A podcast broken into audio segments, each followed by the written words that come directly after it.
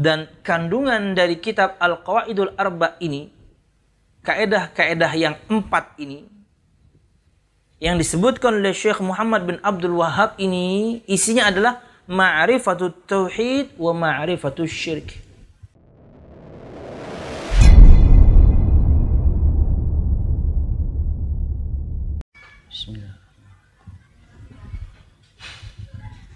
السلام عليكم ورحمة الله وبركاته.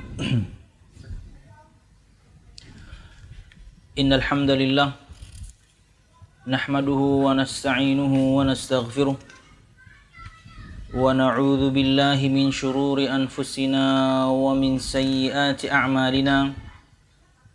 من يهده الله فلا مضل له ومن يضلل فلا هادي له. أشهد أن لا إله إلا الله وحده لا شريك له وأشهد أن محمدا عبده ورسوله.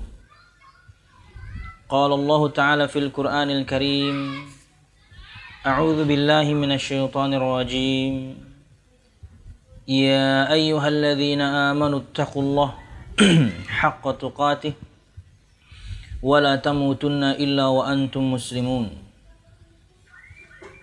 يا أيها الناس اتقوا ربكم الذي خلقكم من نفس واحدة وخلق منها زوجها وبث منهما رجالا كثيرا ونساء واتقوا الله الذي تساءلون به والأرحام إن الله كان عليكم رقيبا.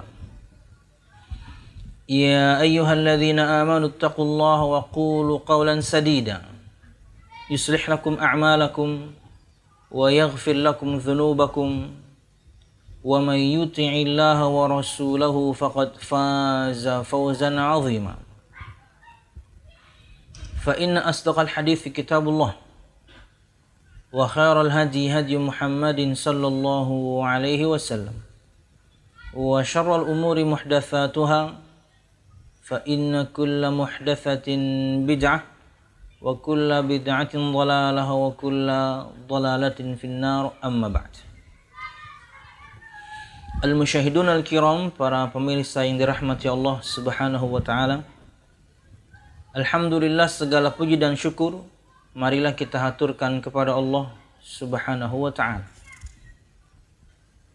Kemudian salawat serta salam semoga selalu tercurahkan kepada junjungan besar Nabi kita Muhammad sallallahu alaihi wasallam juga beserta para sahabatnya, keluarganya dan segenap kaum muslimin yang selalu istiqamah berpegang teguh dengan Islam sampai hari kiamat kelak. Al-musyahidun al-kiram, para pemirsa yang dirahmati Allah Subhanahu wa taala. Insyaallah pada kesempatan pagi hari ini kita akan membahas satu kitab yang baru melanjutkan bahasan kita yang sudah selesai yaitu Syarah Al-Usul Al-Thalatha karangan Syekh Muhammad bin Saleh Al-Utsaimin yang mempelajari tentang tiga pertanyaan yang akan dilayangkan kepada semua kita nanti di alam barzakh yaitu tentang siapa Tuhanmu, apa agamamu dan siapa nabimu. Nah, kemudian Syekh Muhammad bin Abdul Wahab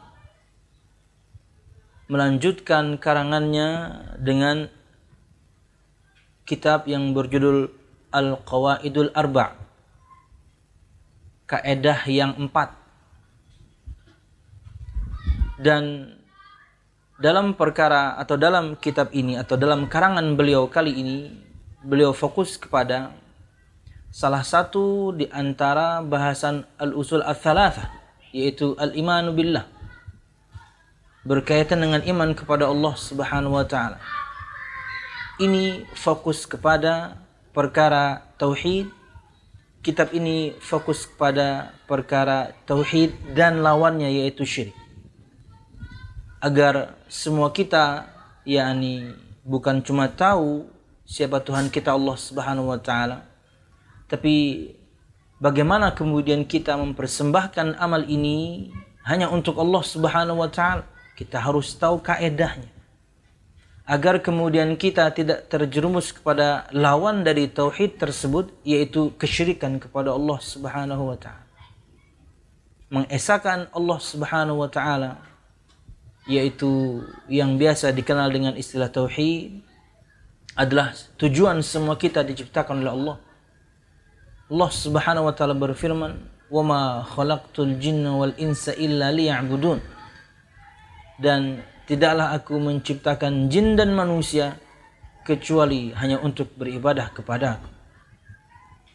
Dan ibadah tidak pernah akan sah kecuali dia betul-betul mempersembahkannya hanya untuk Allah Subhanahu wa taala. Ibadah yang dia lakukan baik itu berkaitan dengan amal hati, amal lisan atau amal anggota badan harus dia persembahkan hanya kepada Allah Subhanahu wa taala, tidak untuk yang lainnya. Itulah tauhid, ifradullah bil ibadah, mengesahkan Allah Subhanahu wa taala dalam peribadatan. Nah, kitab ini yang tentunya insyaallah tidak panjang, tidak sepanjang Al-Usul Ats-Tsalatsa. Qawaidul Arba dengan syarahnya ini yang kita akan baca dari syarahnya Syekh Saleh Fauzan bin Abdullah Al-Fauzan hanya 45 halaman kurang lebih. Dan alhamdulillah sudah yakni ada terjemahannya pula dan insya Allah kita akan bagikan terjemahannya tersebut untuk yakni semua pemirsa insya Allah yang mengikuti pengajian ini walaupun tahap awal ini yakni di satu tempat saya pesan 200 di tempat yang lain cuman ada stok 50 rencana saya tentunya tahap awal ini pengennya 500 mungkin 250 yakni kitab kita bagikan di Banjarmasin dan mungkin 250-nya kita akan bagikan untuk Banjarbaru dan Martapura. Tampilannya seperti ini dan tentunya jauh lebih tipis dibandingkan syarah al-usul thalatha. Dari syarah usul iman pun lebih tipis juga. Karena yakni bahasan aslinya saja hanya 45 halaman. Terjemahannya ada dua kali lipat lah. Kurang lebih dua kali lipat. 94 halaman. Yani insya Allah mudahan ini paketnya segera datang. Akhirnya sebelum rebu depan kita sudah bagikan kitabnya untuk semua. Yakni pemirsa sekalian yang mengikuti pengajian ini Wallahualam bisa artinya secara global tentang tauhid dan syiriklah yakni kitab ini berbicara dan pada kesempatan uh, pertama kali ini kita ingin sebutkan muqaddimah dari Syekh Muhammad bin Abdul Wahab dan bagaimana kemudian syarah yang disebutkan oleh Syekh Saleh Fauzan bin Abdullah Al Fauzan hafizullah taala tentang muqaddimah beliau ini. Oke, kita mulai saja. Bismillah. As'alullah al-karim Rabbal arshil azim ay yatawallaka fid dunya wal akhirah wa ayyaj'alaka mubarakan aynama kunta wa ayyaj'alaka mimman idza u'tiya syakara wa idza ibtuliya sabara wa idza adnaba istaghfara fa inna haula'i thalath unwanus sa'adah Pengarang menyebutkan Syekh Muhammad bin Abdul Wahab At-Tamimi rahimahullah taala dalam matannya Kata beliau Bismillahirrahmanirrahim. Sudah kita bahas panjang tentang yani, definisi Bismillahirrahmanirrahim di pembahasan al-usul al-thalatha. Tidak kita ulang. As'alullah al-karim. Aku memohon kepada Allah subhanahu wa ta'ala yang maha mulia. Rabbal arshil azim. Pemilik arsh Allah subhanahu wa ta'ala yang agung ayyatawallaka fid dunya wal akhirah agar Allah Subhanahu wa taala menolongmu di dunia dan di akhirat wa ayyaj'alaka mubarakan aina ma kunta dan agar Allah Subhanahu wa taala menjadikanmu mubarakan diberkahi aina ma kunta di mana pun kamu berada wa ayyaj'alaka mimman idza u'tiya syakara dan agar Allah Subhanahu wa taala menjadikanmu orang yang jika diberi dia bersyukur. Wa idza btuliya sabaru dan jika dia diuji dia bersabar. Wa idza adnaba adnaba istaghfar dan jika dia berdosa dia memohon ampunan kepada Allah Subhanahu wa taala. Fa inna haula'i thalath unwanus sa'adah. Karena sesungguhnya tiga hal tersebut diberi bersyukur, diberikan ujian bersabar, berdosa, kemudian istighfar dan bertobat minta ampun, unwanus sa'adah ia adalah yakni inti kebahagiaan. Inilah matan untuk mukaddimah hari ini yang disampaikan oleh Syekh Muhammad bin Abdul Wahab lebih kepada doa. Beliau mendoakan semua pembaca sama seperti syarah al-usul al-thalatha, ketika kita baca matan pertama kali, juga beliau menyebutkan dengan doa. Artinya beliau mendoakan untuk semua pembaca. Semua kita yang sedang belajar, para penuntut ilmu. Apa doa beliau? Beliau kemudian tentunya di awalnya menyebutkan dengan yakni bertawassul dengan asma dan sifat Allah Subhanahu wa taala dengan menyebutkan keagungan Allah Subhanahu wa taala. Aku memohon kepada Allah yang Maha Mulia Memiliki arsh yang agung. Apa doa beliau untuk kita? Apa doa beliau untuk semua kita para pembaca dan para penuntut ilmu? Agar Allah Subhanahu wa taala menolongmu di dunia dan di akhirat. Kita akan baca nanti syarahnya. Agar Allah Subhanahu wa taala memberkahimu di mana pun kamu berada. Agar Allah Subhanahu wa taala menjadikanmu orang yang jika diberikan nikmat dia bersyukur, yang jika diberikan ujian dia bersabar, yang jika dia berbuat dosa dan kesalahan istighfar, minta ampun dan bertaubat kepada Allah Subhanahu wa taala. Karena tiga hal ini kata beliau inti sebuah kebahagiaan. Dapat nikmat bersyukur, ada ujian hadapi bersabar dan kemudian ketika berdosa segera rujuk kembali bertaubat kepada Allah Subhanahu wa taala. Wallahu a'lam bishawab. Itulah matan yang beliau sebutkan pada mukaddimahnya. Berikut keterangan Syekh Saleh Fauzan bin Abdullah Al-Fauzan hafizahullah taala. Kata beliau, "Hadhihi al-qawaidul arba' allati allafaha Syekhul Islam Muhammad bin Abdul Wahhab." Ini adalah kitab Al-Qawaidul Arba' kaedah-kaedah yang empat yang dikarang oleh Syekh Muhammad bin Abdul Wahhab At-Tamimi rahimahullahu taala. Wal qawaid dan qawaid jam'u qaidah jamak dari kata bahasa Arab qaidah atau sudah menjadi bahasa Indonesia kaedah.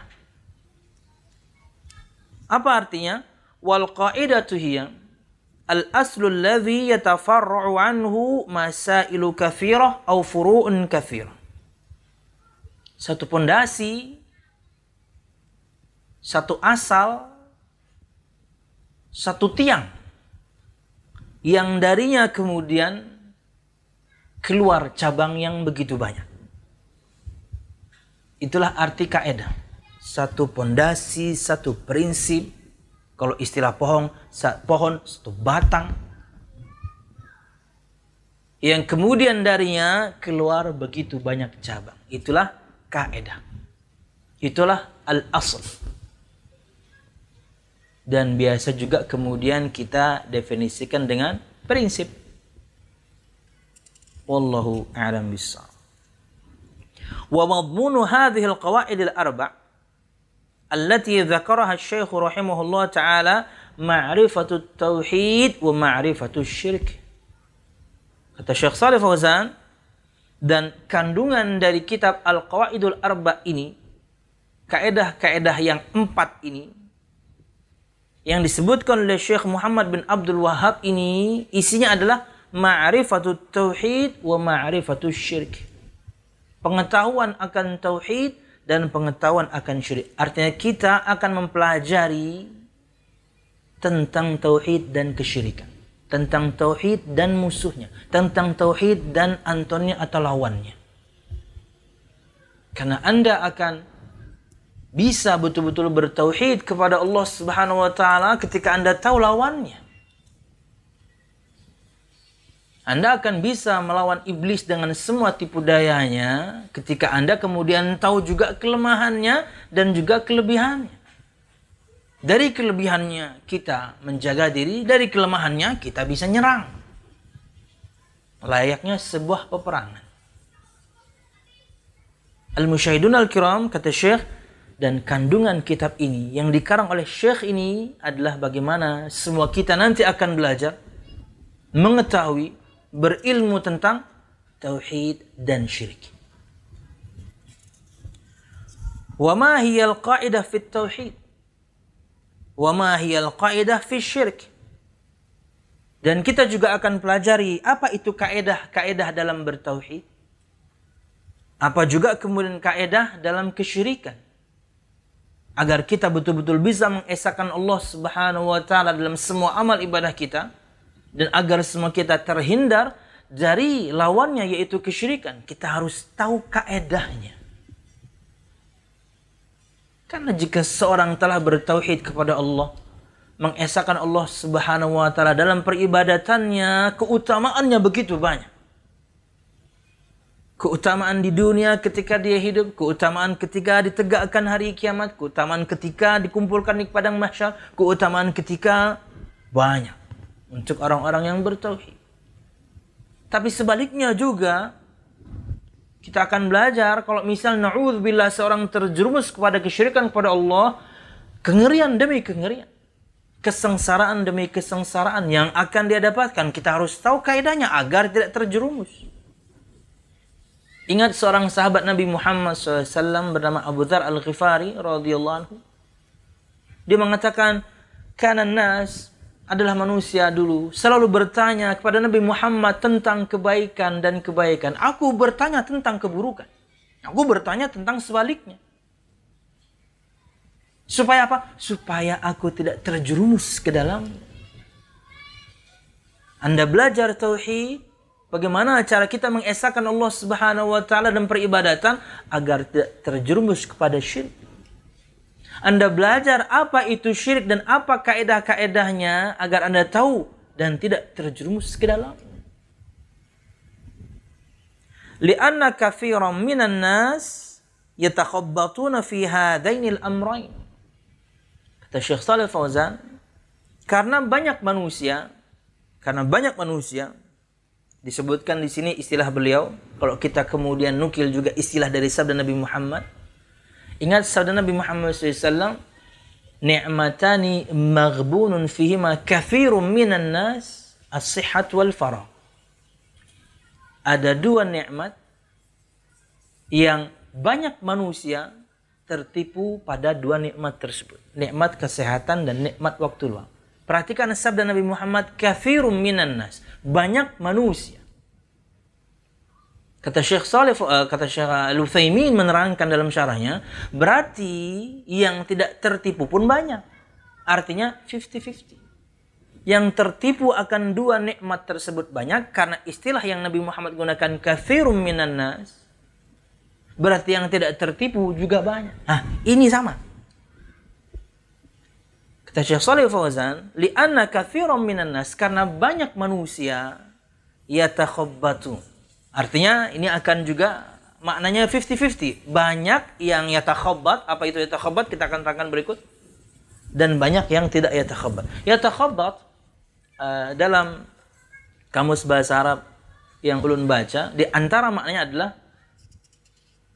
fi'lu syai'i atau ada'u syai'i ashwa'iyan. Melakukan sesuatu, mengerjakan sesuatu random. Apa itu random? Acak, ngawur, semerawut.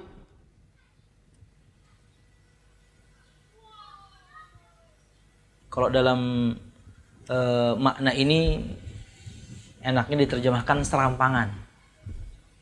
Karena banyak manusia ngawur, ngawur aja ya, ngawur ya, ngawur aja. Karena banyak manusia Kata beliau, yatakhabbatuna fi hadainil amrain. Mereka ngawur pemahamannya dalam dua perkara ini.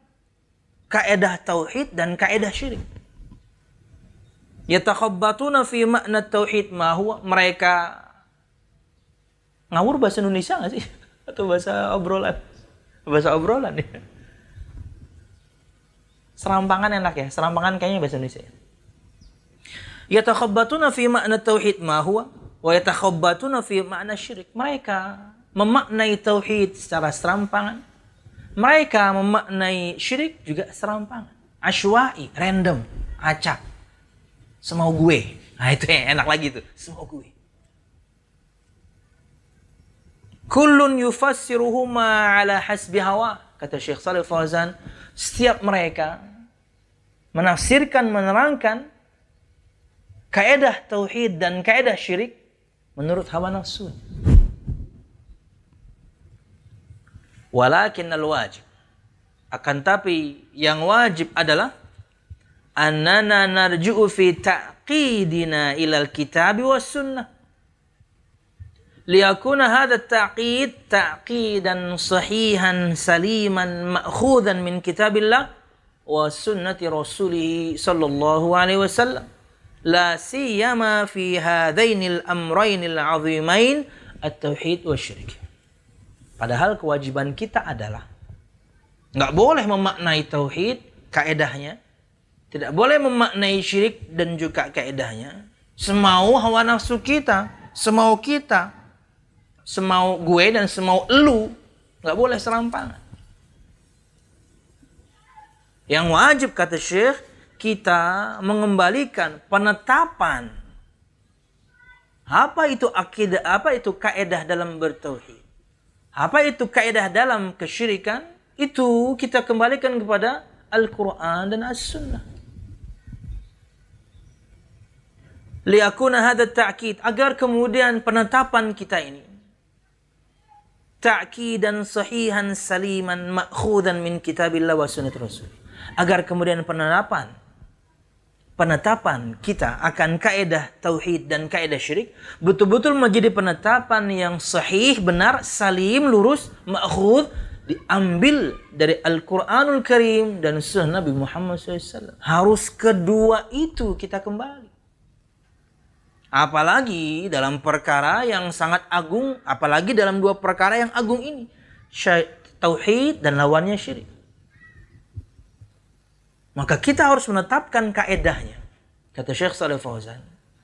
Dengan mengembalikan kepada Al-Quran dan As-Sunnah. Bukan kemudian dengan mau kita dan dengan hawa nafsu kita. Wa syekh rahimahullah lam yadhkur hadhihi al-qawaid min indihi aw min fikrihi kama yaf'alu dhalika kathirun min al-mutakhabbitin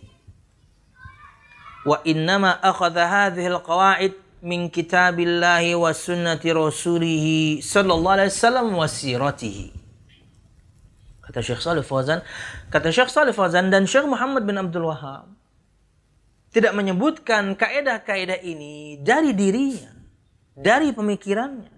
Sebagaimana yang dilakukan oleh banyak orang yang yatakhabbatut yang yatakhabbat tadi mutakhabbit uh, ingat firman Allah Subhanahu wa taala ketika Allah Subhanahu wa taala uh, memberikan permisalan untuk para pemakan riba. Apa kata Allah Subhanahu wa taala? Kama yatakhab alladzina yakuluna riba la yakuluna illa kama yakul alladzi yatakhabbattu syaitanu minal mas. Al-Baqarah ayat berapa itu? Orang pemakan riba itu seperti orang yang yakni jatuh terjungkal terjungkal tuh ke belakang kan? Iya. Kalau nyungsep kan ke depan ya? Iya.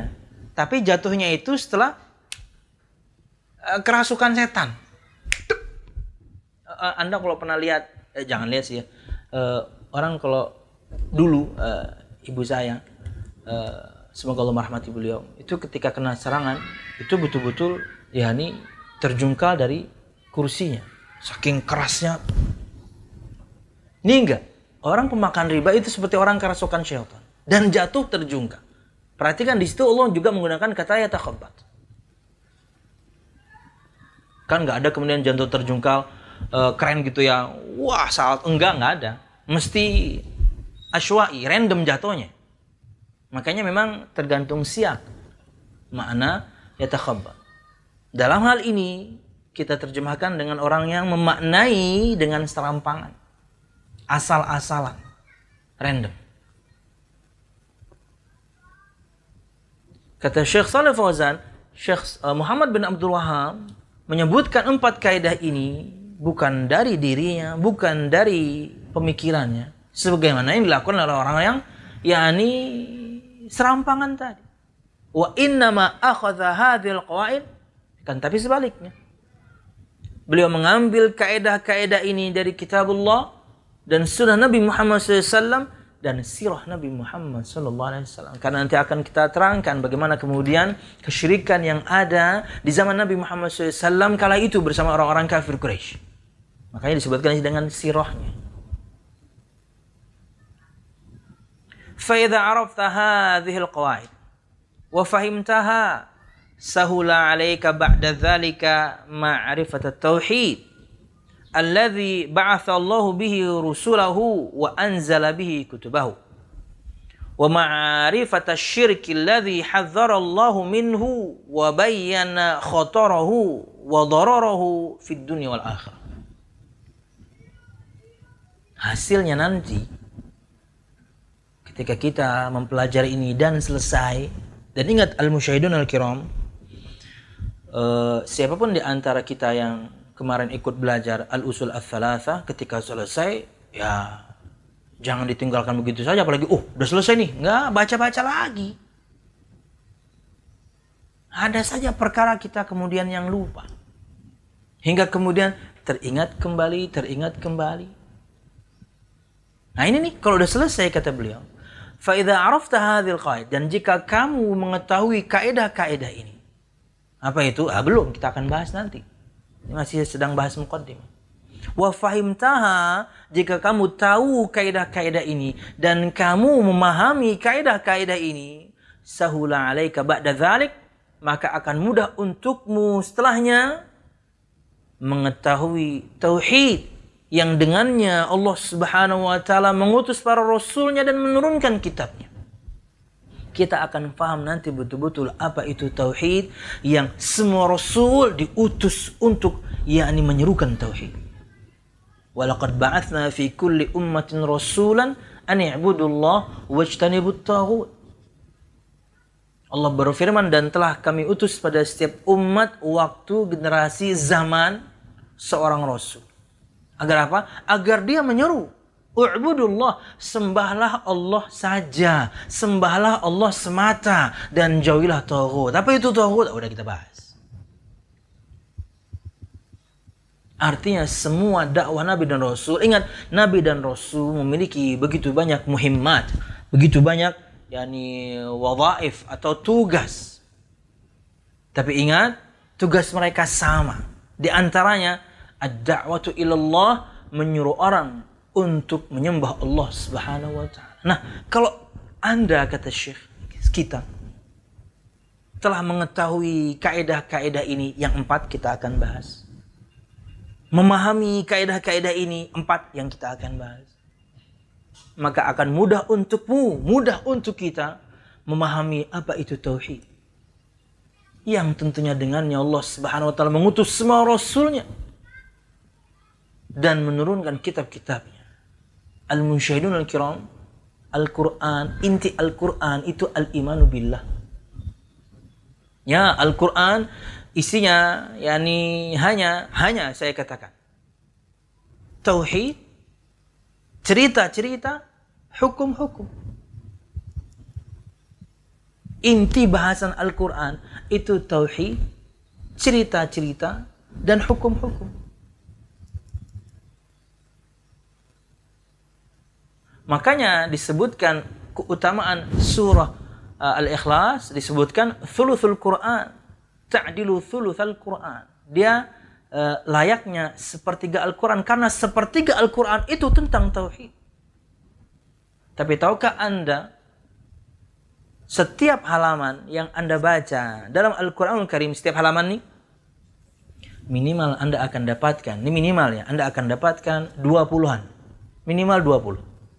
Lafdul jalalah Allah atau asma dan sifatnya. Cek aja. Buka Quran sekarang, hitungin. Allah, Allah, Ghafur Rahim, Sami Alim, Allah, Allah.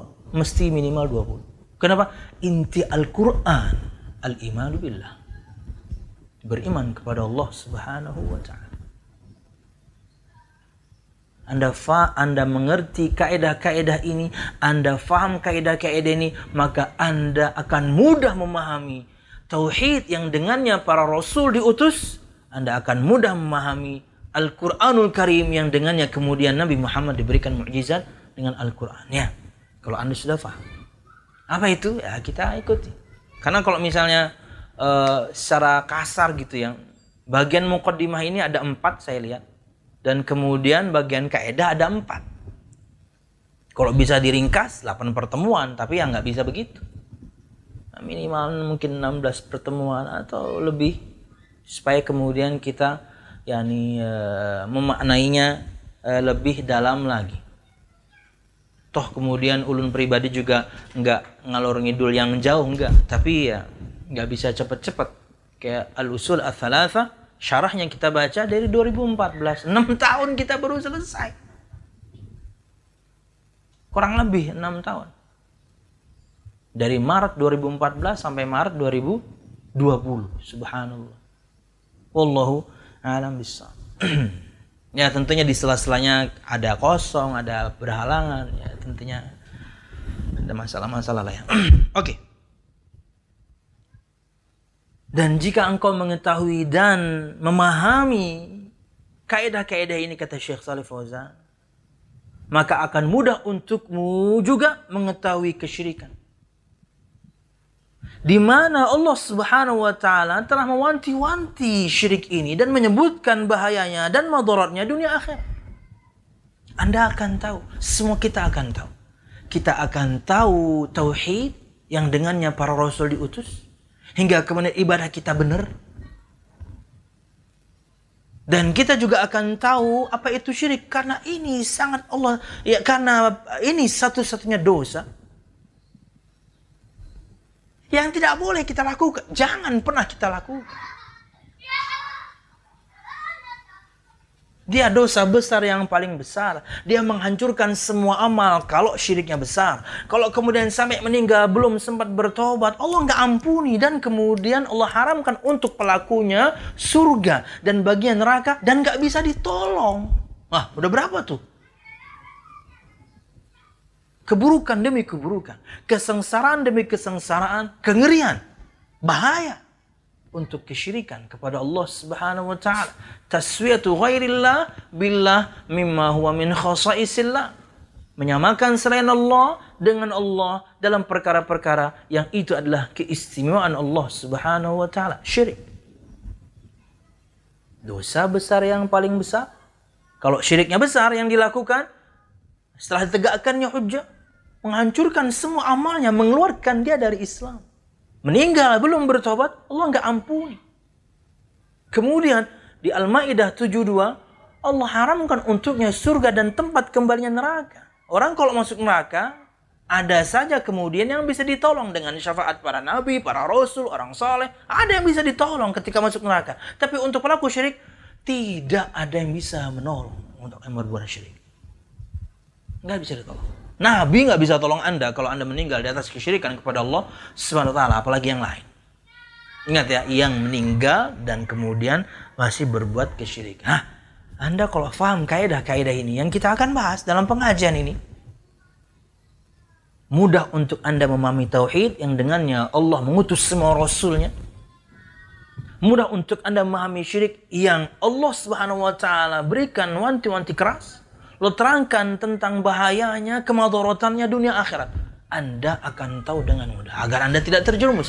Agar semua kita tidak terjerumus. Wahada amrun muhimun jiddan. Wahuwa alzam alaika min ma'rifati ahkami salati wa zakati wal ibadati wa sairil umuri diniyah. Lianna hadha huwa al-amrul awwaliyu wal asas. لأن الصلاة والزكاة والحج وغيرها من العبادات لا تصح إلا إذا لم تبنى على أصل العقيدة الصحيحة وهي التوحيد الخالص لله عز وجل Dan ini kata Syekh Saleh Fauzan bin Abdullah Al-Fauzan adalah perkara yang sangat penting. Muhim, penting, jiddan sangat. Dan ini ada tambahan ringan ya. Untuk siapa pun di antara kita yang baru-baru belajar bahasa Arab. Saya juga dulu gitu ya. Makanya ya ini bagus sekali beberapa pesantren, lembaga pendidikan, universitas gitu ya ketika mereka ingin mengajarkan bahasa Arab, tenaga pengajarnya native speaker, orang Arab langsung. Biar kita tahu penggunaan-penggunaan yang tepat, idiom-idiom yang tepat. Di antaranya jiddan. Terkadang kemudian tidak tertulis dalam yakni kitab-kitab tentang kaidahnya, tapi kita tahu dari bagaimana orang Arab berbicara. Kata afwan itu nggak bisa ditambahi jiddan. Kan kita pengennya tuh maaf banget gitu ya, maaf banget ya. Tapi nggak bisa di bahasa, di bahasa Arab Anda pakai afwan jiddan. Nggak enak di sininya. orang Arab juga, apaan nih? Iya kan mereka tidak sebutkan itu. Itu bahasa Arab, eh, bahasa Indonesia yang diarabkan aja. bahasa anak anak anak anak anak anak pesantren lah ya bahasa selengnya anak pesantren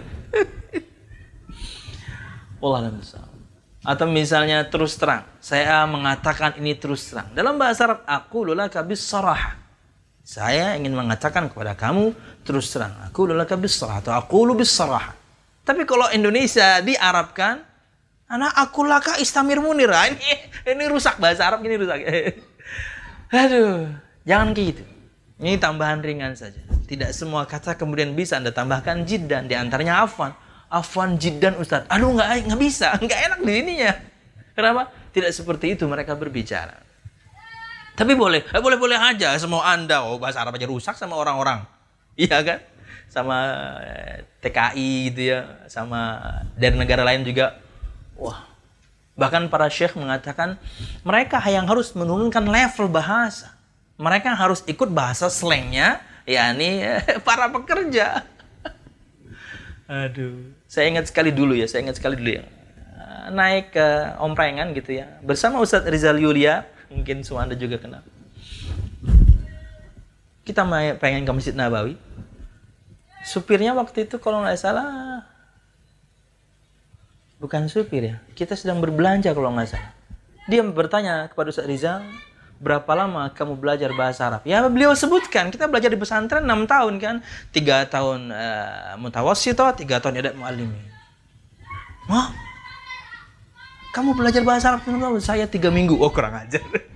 tapi bahasa kamu rusak. Tapi iya. Oke lanjut ya. Eh, sedikit tambahannya. Tapi inilah penggunaannya. Wahada amrun muhimun jiddan. Kata beliau, ini perkara penting sekali. Mengetahui kaedah tauhid, mengetahui kaedah syirik. Ini perkara penting sekali kata Syekh. ya? Masuk nggak suaranya? Masuk ya. Iya anak-anak bermain. Syukur mereka nggak main petasan pemirsa. Eh, masih main biasa lah.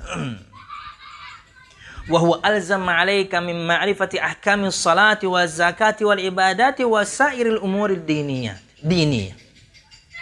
Dan perkara ini mengetahui, memahami kaidah tauhid, kaidah syirik.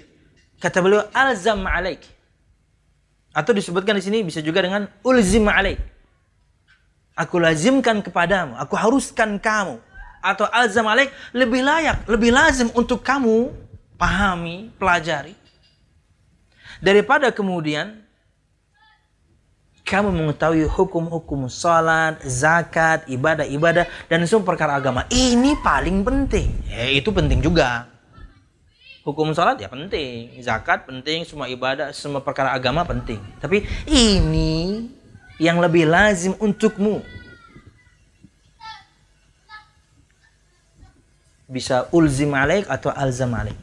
Ulzim alaik artinya saya lazimkan kamu untuk kemudian mengetahui perkara ini atau ini lebih layak, lebih pantas, lebih lazim untuk kamu pahami lebih dulu dibandingkan yang lain.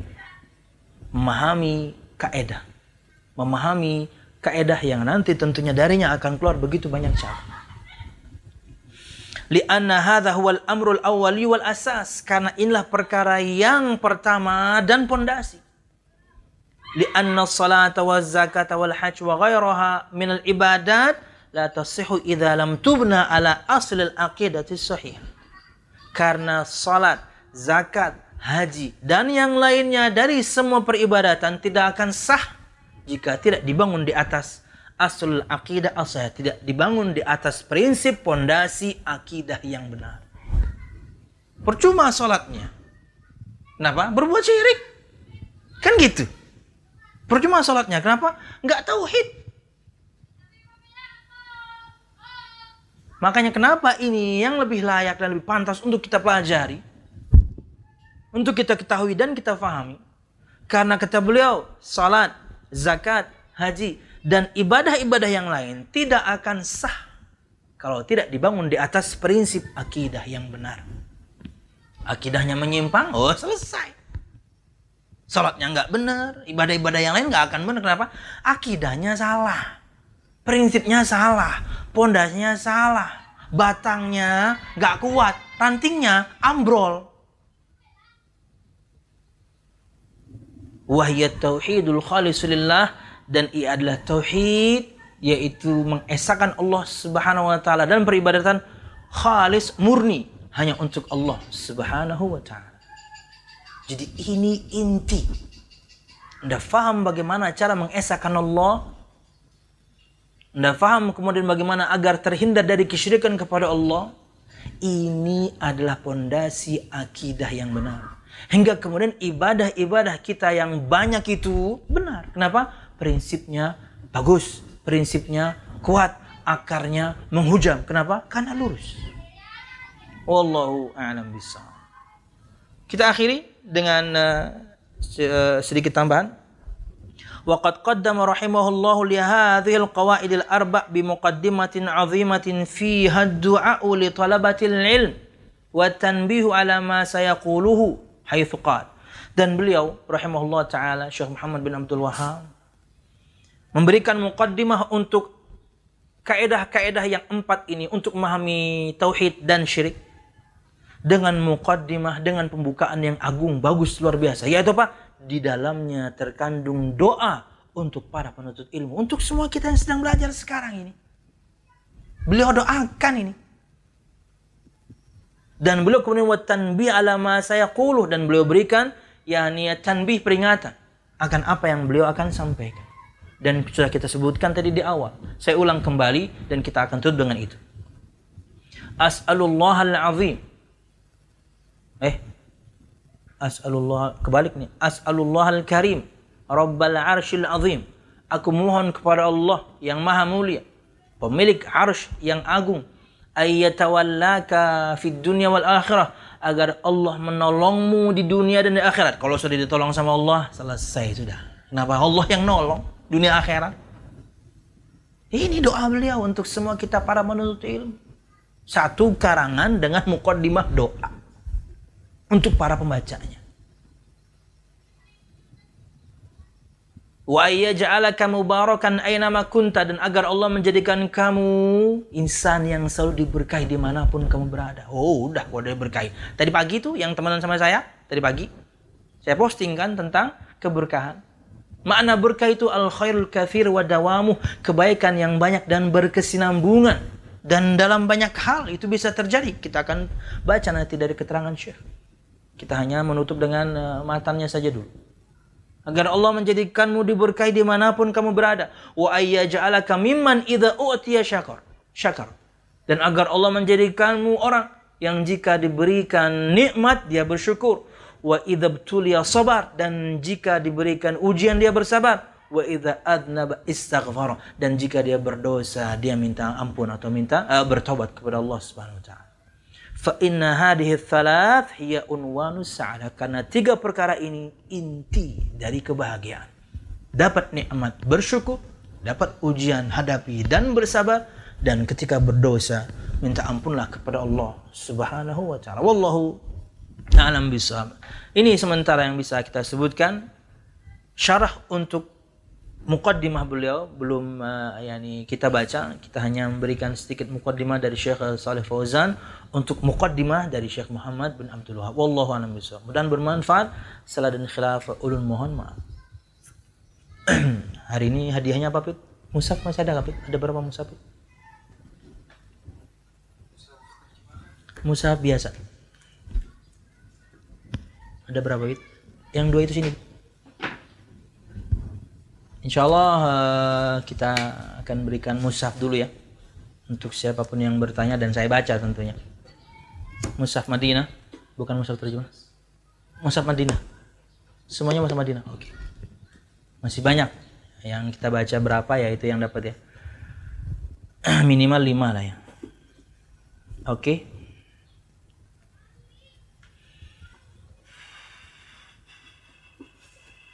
Kita dari Rifkon dulu atau gimana nih? Kemarin sudah dari Rifkon ya, dari yang masuk ke nomor ini dulu aja ya. Oke. okay.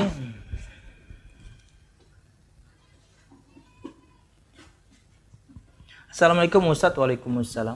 Saya mau bertanya bagaimana cara mengajari anak tentang tauhid sejak usia dini. Ya sekarang. Dari sekarang Anak Anda umur berapa?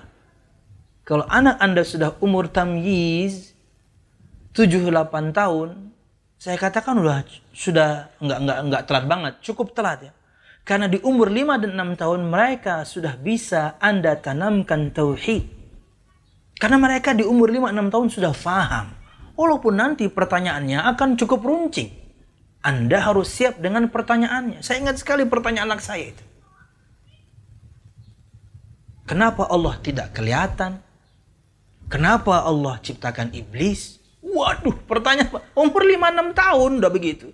Artinya kita sebagai orang tua harus siap. Kita sebagai orang tua khususnya para bapak harus siap. Kita berilmu tentang agama kita. Pelan-pelan belajar. Sejak mereka mulai faham, saat itulah Anda tanamkan. Bayangkan, perhatikan sabda Nabi Muhammad ketika beliau mengatakan kepada seorang anak kecil. Nabi Muhammad saja mengatakannya gulam.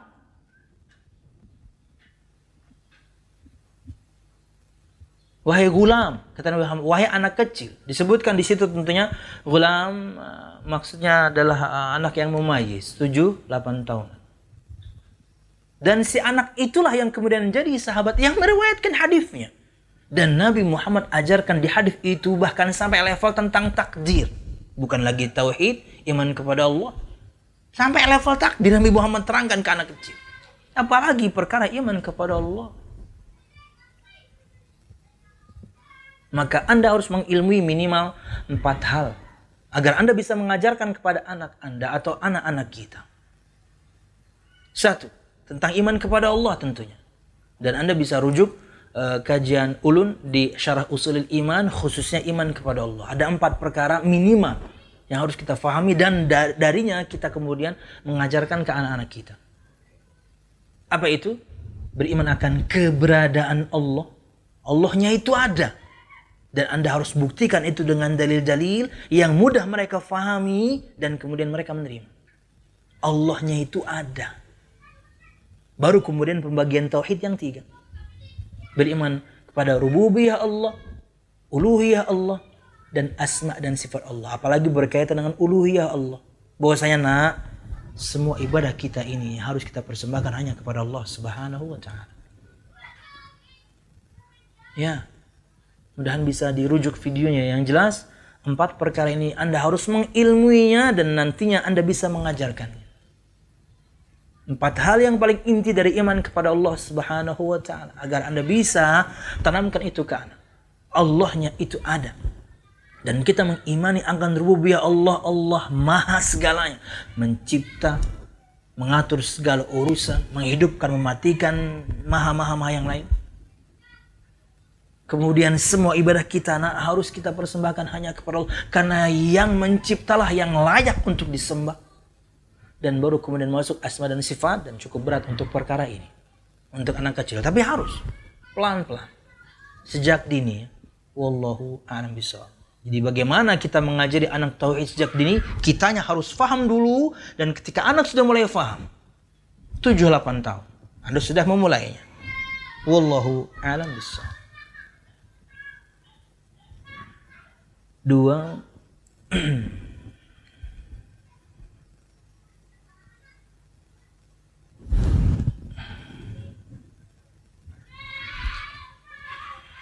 Assalamualaikum Ustaz Waalaikumsalam. Saya sering ditawari makanan sama teman. Kalau saya tidak mau biasanya dia maksa atau menakut-nakuti dengan istilah Ayo ambil sedikit nanti kepuhunan. Di tulisannya ini nanti ke kepohonan. Jadi kalau nggak makan naik pohon. Atau keluar pohon.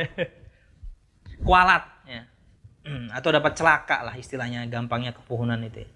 Nanti kalau terjadi sesuatu di jalan, kalau saya mengambil sedikit untuk menyenangkan dia, apakah ini termasuk syirik? Ah, tentunya tidak. Dikasih ambil, dikasih ambil. Karena apa? Dia sedang memberi, maka ketika anda menerimanya, maka ya ini anda membahagiakan dia. Dan untuk yang memberi, nggak usah tambahkan embel-embel ini. Jangan kaitkan kemudian kemadaratan dengan makanan yang Anda beri. Apa hubungannya? Nggak ada hubungan. Kau kalau nggak makan nanti jatuh di jalan. Kecuali ya, kecuali betul-betul ya. Perutnya, Anda tahu perut teman Anda ini kosong sekali. Anda beri, dia nolak-nolak. Anda bisa ngomong, eh, nanti kamu pingsan loh. Kan bisa, kenapa? Karena ada sebab-sebab. Nah, ente lapar. Tapi kalau dihubungkan dengan sesuatu yang tidak ada korelasi, kamu kalau nggak ambil nanti kamu kualat, kepuhunan bahasa Banjarnya. Kamu akan dapat celaka. Anda mengaitkan kemadorotan dengan sesuatu yang dilihat atau dengar. Dan hal ini adalah makanan. Ini tatoyur. Bagian dari kesyirikan. Jangan. Wallahu alam bisawab. Karena kalau betul-betul terjadi nanti tertanam, iya juga ya tak taunya ya. Nah itu. Jangan ya. Manfaat dan madhar itu dari Allah. Tugas kita hanya mencari sebab keselamatan, menghindar dari sebab-sebab kemudaratan. Sudah berusaha kita menghindar dan celaka juga, itulah ketentuan Allah Subhanahu wa taala. Jangan kemudian yakni selalu merasa akan mendapatkan kesialan berkaitan dengan banyak hal yang kita lihat atau kita dengar berkaitan dengan angka tertentu, hari tertentu, pekan tertentu, bulan tertentu, warna tertentu, binatang tertentu akan celaka begini, akan celaka begini, akan mati, macam-macam. Jangan. Tapi kata Nabi Muhammad SAW, wa minna illa. Tidak ada seorang pun di antara kita kecuali mesti kena bagian dari tatoyu.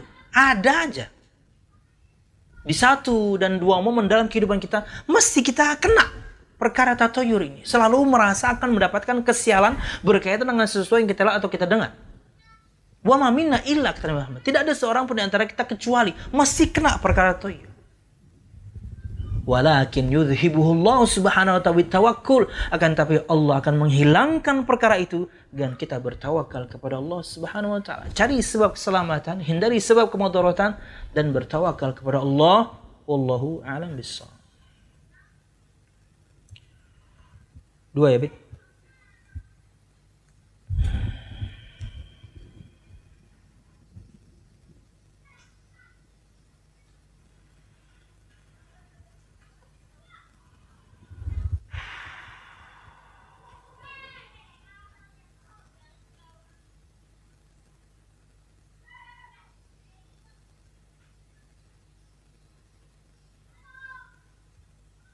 Assalamualaikum Waalaikumsalam.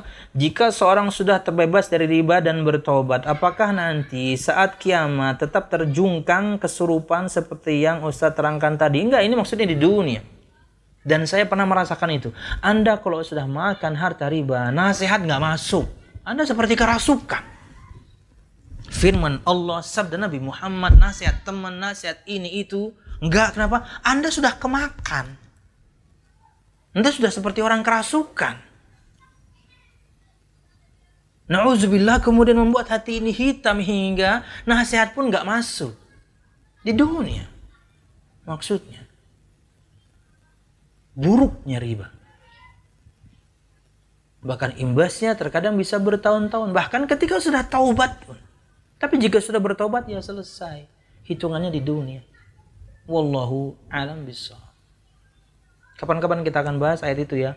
Uh, Al-Baqarah uh, akhir-akhir itu. Surah Al-Baqarah di akhir-akhir. Saya tadi hanya ingin menerangkan makna yatakhabbat, yatakhabbat itu tergantung konteksnya. Yang sedang kita bahas maknanya serampangan. Yang di firman Allah itu maknanya terjungkal disebutkan. E, jatuh ke belakang, ya terjungkal ya. Wallahu alam bisa. Tapi kemudian harus kita baca tafsirnya lagi, apa yang dimaksudkan darinya. Wallahu alam bisa. Jadi kayak kayak disentuh jin. Saya terjemahkan tadi dengan kerasukan. Kayak nggak sadar lagi udah. Apalagi kemudian masuk syubhat. Ah, saya ini kan cari nafkah. Ah, ini kan untuk anak istri. Ini kan kewajiban saya. Ah, riba sedikit nggak apa-apa. Haram sedikit nggak apa-apa. Nah itu tuh. Dua kayak orang kerasukan. Nggak terima lagi nasihat. Kenapa? Syubhatnya yang masuk. Allah alam bisa. Semoga semua kita terbebas dari harta yang haram. Amin ya rabbal alamin. Dan yang masih bergumul dengannya segera kemudian bisa keluar ya.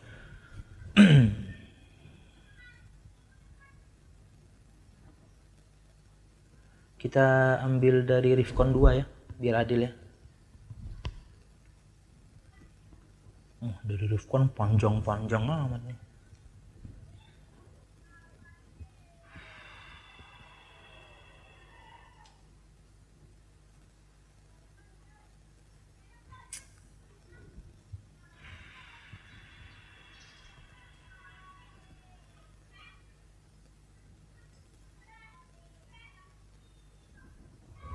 panjang sekali.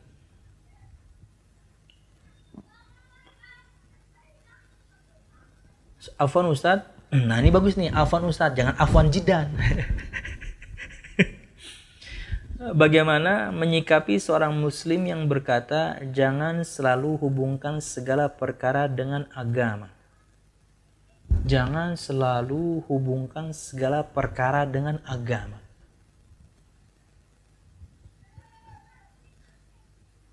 Al-musyahidun al-kiram. Kalau satu perkara itu berkaitan dengan adat istiadat, norma masyarakat,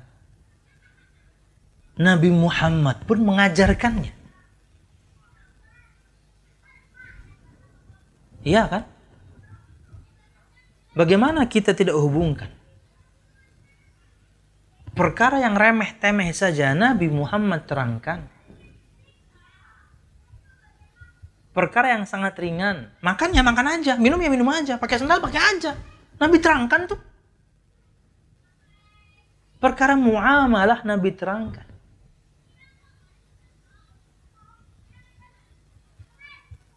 Karena seorang ketika ingin melakukan sesuatu dan Nabi Muhammad SAW punya petunjuk tentangnya atau darinya, kata para ulama di antaranya Ibnu Daqiq Al-Id dan saya tidak salah. Dia wajib dapat pahala. Allah harus ngasih dia pahala. Kenapa? Lawang dia dalam perkara yang ringan saja itu merujuk pada Nabi Muhammad SAW. Karena Nabi Muhammad ajarkan semua.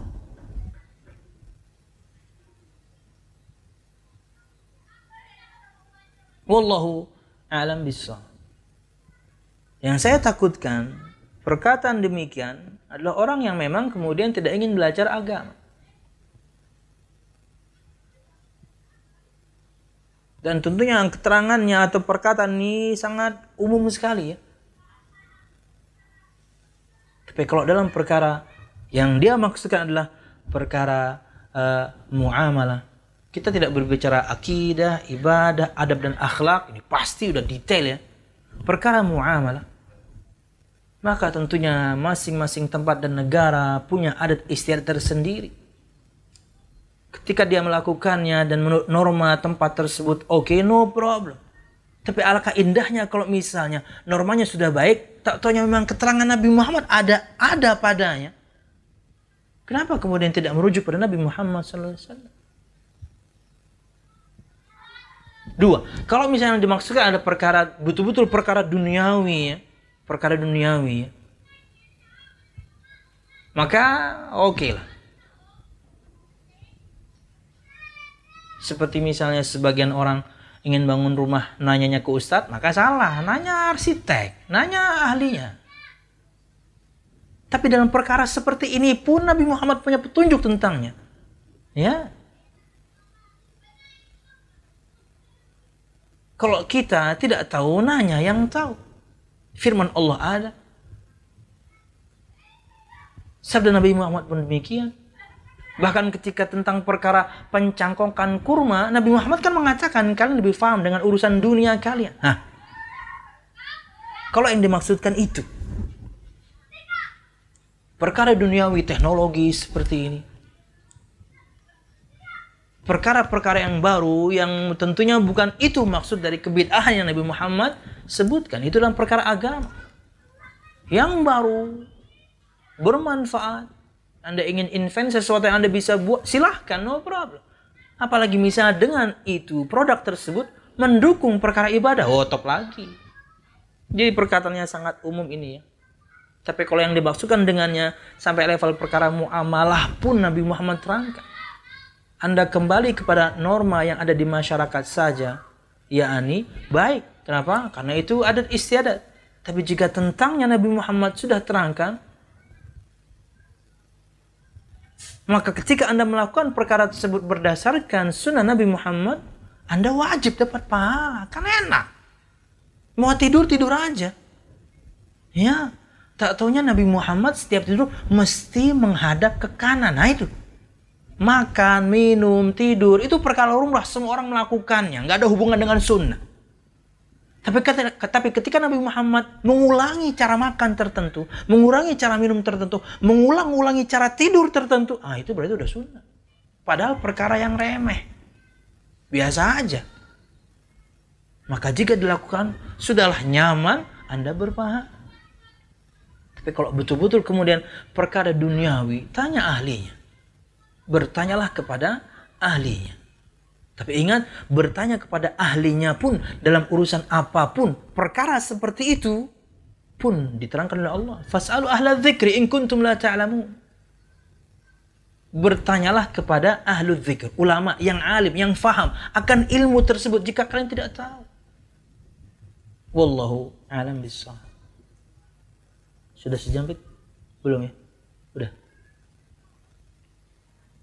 Uh, kita tutup dengan yang terakhir ya.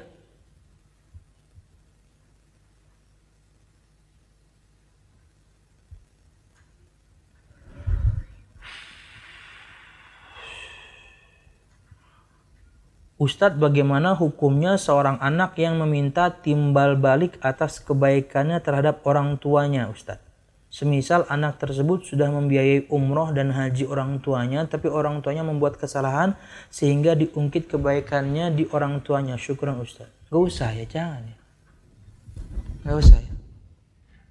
Lakukan kebaikan kepada kedua orang tua Anda, Anda dan harta Anda milik orang tua Anda.